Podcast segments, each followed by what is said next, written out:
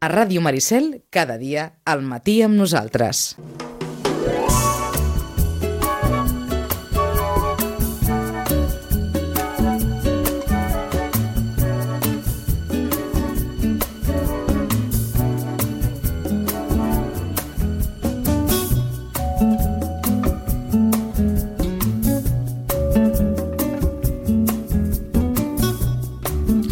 Minuts per 3 quarts de, de 12. Dedicarem els 20 minutets que queden fins a les 12 per repassar, com sempre, com cada dimarts, l'agenda de les biblioteques, de la mà de la Marta Sánchez. Marta, bon dia. Hola, bon dia. Um, una agenda farcida que s'acosta Nadal, oi? S'acosta Nadal, sí, sí, sí, s'acosta Nadal. No, no, que s'acosta Nadal és indubtable, però que anava a dir que l'agenda nota que s'acosta Nadal? Té tocs de Nadal, però Clar, és que mm, tot, tot és tan Nadal aquests dies, tan Nadal, tan Nadal, que, bueno, mm, em parem, parem. Sí. També, Però, està, té... també està bé. També clar, està això bé. és que també és una miqueta cosa personal, que és inevitable que de vegades no, ho traspassis a la feina. Uh mhm. -huh. I jo sóc poc de Nadal, llavors, bueno, ja ho dic, hi haurà tocs, eh? això sí, és inevitable també. Uh mhm. -huh. Doncs, si et sembla, la passem a, sí, a repassar. i tant. Doncs mira, començarem demà, demà dia 11, a dos quarts de sis, a la biblioteca toca Hora del Conte. Les fem cada mes, doncs demà toca.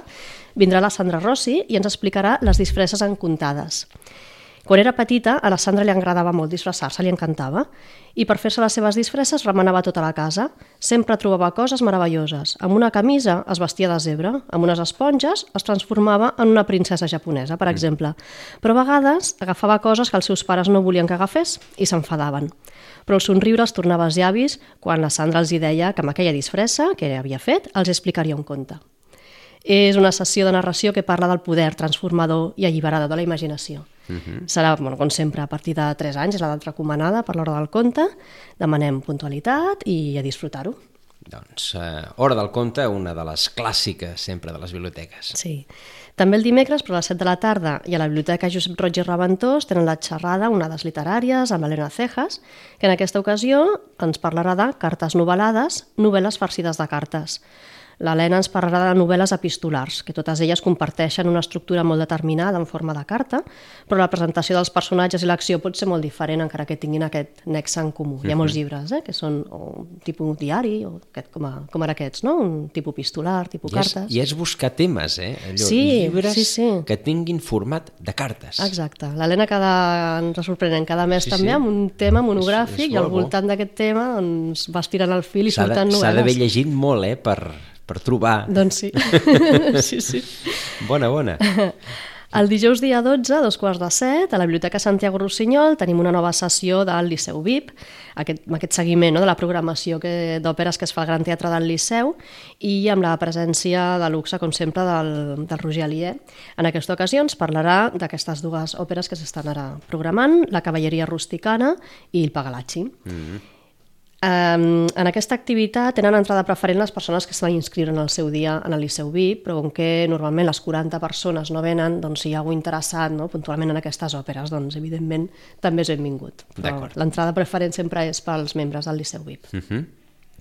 El divendres 13, a dos quarts de sis, a la Biblioteca Josep Roig i Reventós, tenim una nova edició, una nova sessió del Bibliolab, sempre repetint doncs, aquests tallers, o abans dèiem tallers i ara es diu Bibliolab, perquè la idea és això, de que els nens i nenes o adults participants, mm, ells mateixos, a través de l'experimentació, s'emportin el coneixement. No? O sigui, que no sigui una xerrada, una conferència, sinó que experimentin i amb les seves pròpies mans facin alguna cosa que els hi aporti aquest coneixement.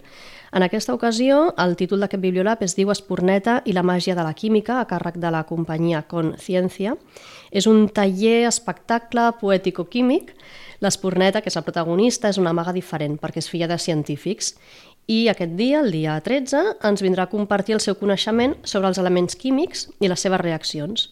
Gràcies a la comprensió i utilització d'aquestes reaccions i dels elements, els éssers humans ens hem fet tan poderosos com els antics mags. Barrejarem aquesta part més, més de ficció, més màgica, uh mhm. -huh. amb la part científica del que són els elements químics, la, la taula periòdica. Um, té una durada d'uns 50 minuts l'activitat i sí que cal inscripció prèvia, gratuïta, però inscripció prèvia a la mateixa uh -huh. biblioteca Josep Roig i Reventós o amb un correu electrònic i l'edat recomanada és a partir de 5 anys. A partir de 5 anys. Exacte. D'acord. Bibliolab, per tant, aquest divendres... Divendres 13. És a dir, no hi ha hora del conte Exacte. a, a la Roig i Reventós, sinó que hi ha Bibliolab aquest Exacte. divendres. Sí. Uh -huh. El dissabte 14 a les 11, a la Biblioteca Santiago Rossinyol, una nova sessió de l'hora del joc. Aquestes, aquestes sessions de jocs per a famílies, per nens i nenes, que anem variant l'edat i les temàtiques, i que les organitzen i les condueixen l'associació El Deu Ferrat, uns grans experts en el món dels jocs. Per tant, ens porten coses que, bueno, que ens surten no? de, del normal i que ara també, doncs, mira, de cara no? a, a les cartes als Reis, doncs, també pot ser bona idea, una bona idea d'agafar agafar idees, no? propostes amb, amb el Deu Ferrat. En aquesta ocasió jugarem amb les sumes. Jugarem i ens divertirem en jocs basats en operacions matemàtiques senzilles, uh -huh. com ara el MIA, l'Aligali, Código Secreto 13 més 4, Adiós Amigos, són una sèrie de jocs en què això no? s'ha d'utilitzar aquestes, aquestes habilitats matemàtiques senzilles a partir de 4 anys, amb pares i mares, per passar també una estona divertida amb les, amb les matemàtiques, amb els jocs, uh -huh. a la Biblioteca Santiago Rossinyol. D'acord. Aquí no cal inscripció. No, no, no, no cal.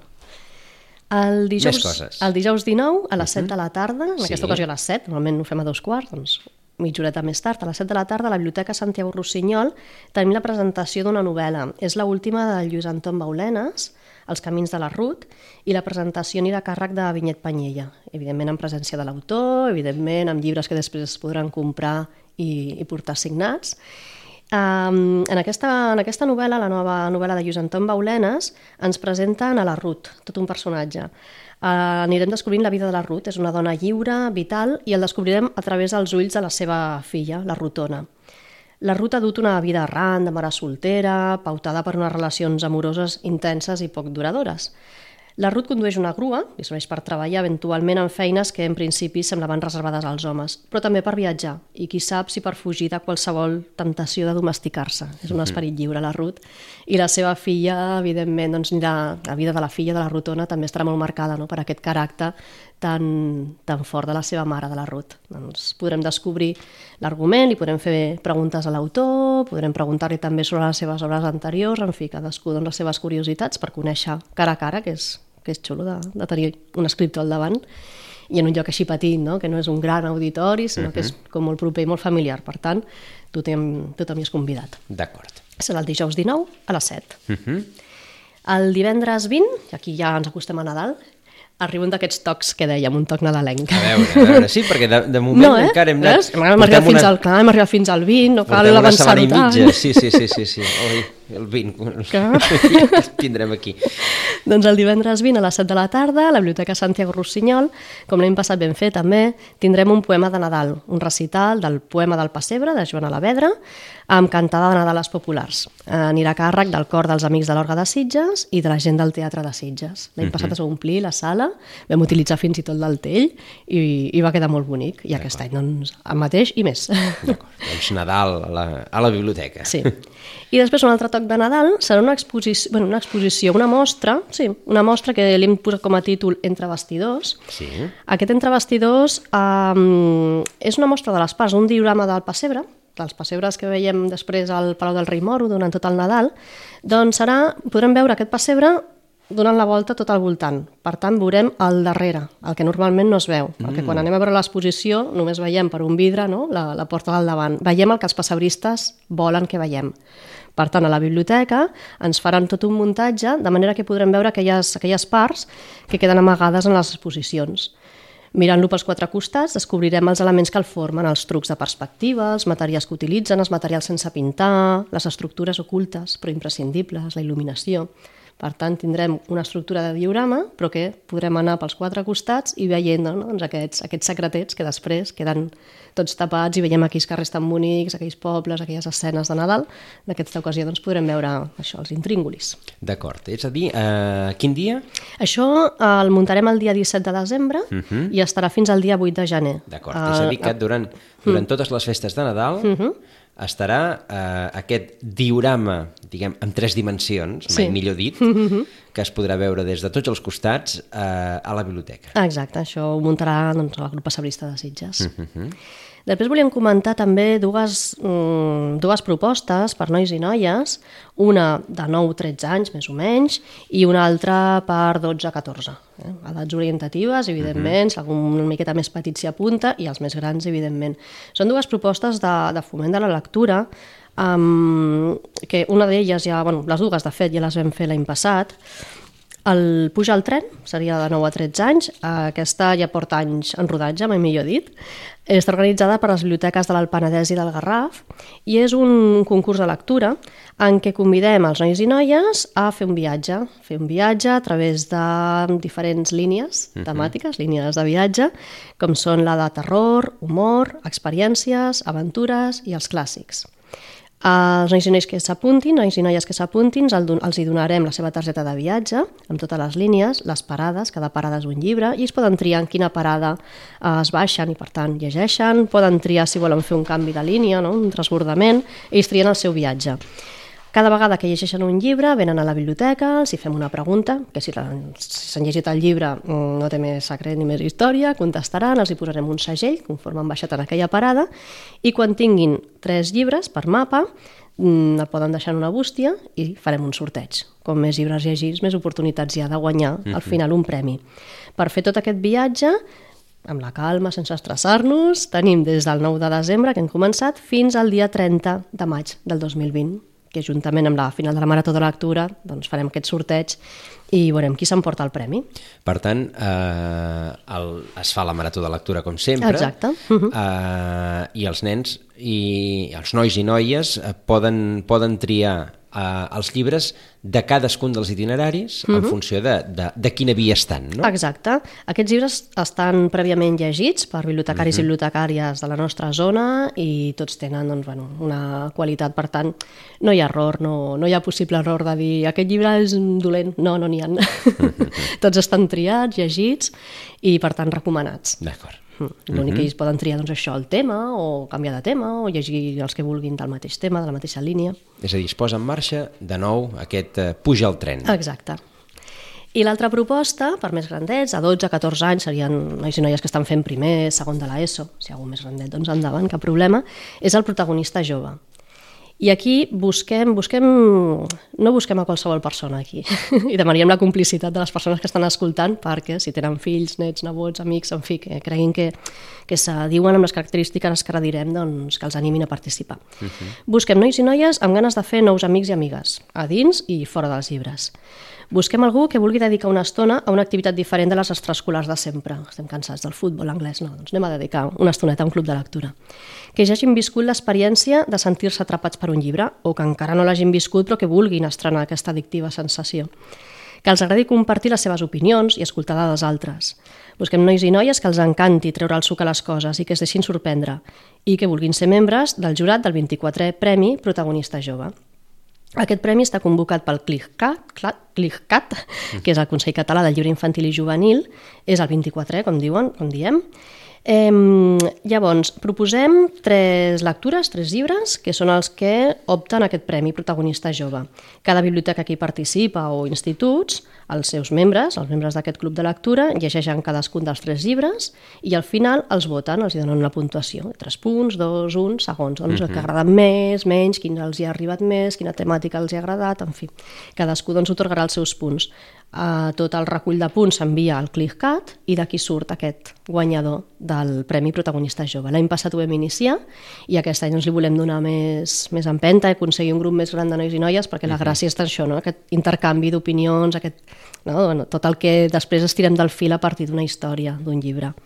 Uh, les tres propostes d'aquest any són Un batec a l'hora, de la Sharon Creek, protagonitzada per una nena de, de 12 anys, Um, la seva mare es queda embarassada i justament ara que arriba una nova vida l'avi ha començat a perdre la memòria però la vida no s'atura, és una història doncs això, no? més, més intimista, més de sentiments de la vida quotidiana d'aquesta nena de l'Ani el segon llibre és aventura pura, eh, el bestiari de l'Ashlyn, de la Laura Gallego, que és tot una crac en el món de, de la literatura infantil i juvenil, sobretot, Viurem una història inoblidable amb aquesta noia, una noia que viu en un petit poble assajat per perilloses criatures. Trobarem aventures, monstres, viatges, amics i enemics, amor... Uh -huh. És Laura Gallego al 100%, molt recomanable. I l'últim és Juno, de Laia Aguilar. La és una història més dura. La Juno viu en un centre d'acollida des de que la seva mare va entrar a la presó per haver disparat a un home ella anirà passant la Juno de família d'acollida a família d'acollida, però tothom la torna perquè la convivència amb ella és molt difícil. Per tant, cada vegada es va tancant més en el seu món, té una ràbia interna, fins que un dels professors del seu nou institut anirà descobrint quins són aquests dimonis interiors i la podrà, la podrà ajudar. D'acord. Són tres històries diferents i aquestes tres, una d'elles, serà la, la, la premiada del protagonista jove. Doncs entre tots l'hem de decidir. Necessitem uh -huh. membres de jurat. D'acord. Per tant, doncs, eh, foment, com sempre, de la lectura al darrere de bona part de les activitats infantils i juvenils que organitzen les biblioteques. Uh Mhm. -huh. I tenim encara el, alguna proposta, oi? Sí, doncs mira, he portat un llibre. Mm. És un llibre del que llegiré les úniques lletres que es llegeixen en aquest llibre. Damunt d'un cèrvol, una nena avança en silenci, petitona, per un paisatge immens i devastat. A l'horitzó s'alvira una xemeneia fumejant. I si només calgués un xic de poesia perquè tot s'aturés? Això que està a la contraportada del llibre doncs és l'únic que podem llegir en aquesta història del Xavier Salomó, que es diu Off. Són imatges, unes imatges precioses, perquè el Xavier Salomó és tot un artista. En aquesta història se'ns presenta un, dos protagonistes, de fet, un cèrvol i una nena, que en un paisatge mm, devastat i bastant desolador es troben amb una xemeneia enorme, ells entren i veuen un botó vermell. Aquesta xemeneia és d'una central nuclear. Ells veuen un botó vermell i s'atreveixen a apretar aquest botó i, per tant, a apagar la central nuclear. Què pot passar a partir d'aquí? Doncs és el que se'ns explica en aquesta, en aquesta història, molt adequada no? per tot el, que, tot el que aquests dies s'està parlant, no? tot el... i a part, doncs, bueno, plena de poesia, de detalls que amb els nens i nenes els hi podem anar explicant, però també descobrint el que veuen ells, no? com la interpreten ells aquesta història. És molt bonica, el Xavier Salomó, com dic, fa unes il·lustracions plenes de, de, de vida, encara que el paisatge en si doncs, sigui trist, i al final doncs, veurem si és feliç o no. També depèn de nosaltres, no? si ens atrevim a vegades a apretar aquest botó vermell. Uh -huh. Per Es tant, diu off. Off, és a dir, l'aturada d'aquesta central que eh, ens, ha, ens ha portat la, la Marta com una proposta també diferent i de poca lectura, perquè és bàsicament dibuixos. És, és, eh, es demana molt el, el llibre mm, sense lletra? Potser no es demana expressament, però quan es descobreix és una altra manera de llegir. Estem llegint imatges i al final la història, no? en comptes de llegir-la, la verbalitzem. Dona, dona molt de joc, els llibres sense imatge, perquè cadascú pot fer la seva interpretació, encara que, el, les imatges són les que són i, sí. i el fil argumental és el que és. Però després, mira, un llibre d'aquests amb un nen o una nena pot ser màgic, perquè no hi ha un text que et marqui, per tant tu li, li poses no? el que vols que digui eh, la protagonista, el que vols que el text li poses tu, per Cert. tant són molt enriquidors. És realment, és realment bonic. I una cosa, un minut per, per arribar a les, a, la, a les 12, no tindrem a la Marta ja abans de, abans de Nadal. Eh, feu, uns, feu horaris especials per les biblioteques per Nadal, encara que sigui així... Sí, tancarem el 24 i el 31 de desembre, estan tancades les dues biblioteques, i la Roig i Reventós tanquen Eh, té un horari especial, hi ha uns dies de tancament que estan a la, a la web, però bàsicament serien del 24 fins ja al, al gener. Al gener, Sí, d'acord. sí. El, eh, això, el cas de la Roig i Reventós. Reventós. La Santiago Sant- Rossinyol Exacte, manté eh, l'horari sí, normal, sí. exceptuant els tancaments específics dels dies 24 i 31. I els dissabtes se queden entremig de les festes. i els dissabtes de- d'entre festes. Són els, els horaris especials d'una època que la gent hi pot, hi va a la biblioteca, però no, potser no hi va tanta habitual perquè hi ha altres... Hi ha altres... Sí, i aquest any com que queden els festius, no? que hi ha un dilluns que es treballa, després tres o quatre dies de festa, bueno, ha quedat així, bueno, Sí. cada any doncs queda diferent. Sí, queden, no? han quedat Sí. uns, dies, uns dies tot estranys. Però Sí. bé, en qualsevol cas, eh, recuperarem aquesta agenda de les biblioteques ja l'any que ve, oi? Sí. Després, després de Reis. Per tant, doncs, eh, podrem saludar de nou a la, a la Marta amb les activitats que segur, de ben segur que ja s'estan ja s'estan preparant. De mentre, doncs, de mentre hi ha tot aquest seguit d'activitats, algunes amb inscripció prèvia, com hem comentat, el Bibliolab, etc. les hores del compte, tot, tot, tot plegat, eh, que també poden consultar, com sempre, a la pàgina web, als blogs de les biblioteques. Marta, moltes gràcies. Gràcies a bones, vosaltres. Bones festes, Bones festes i, i, i i bon bon de tot i, i tot, el que, tot el que toca. I tant. I a tots vostès, moltes gràcies per haver-nos acompanyat un dia més. Que passin un molt bon dia i fins demà.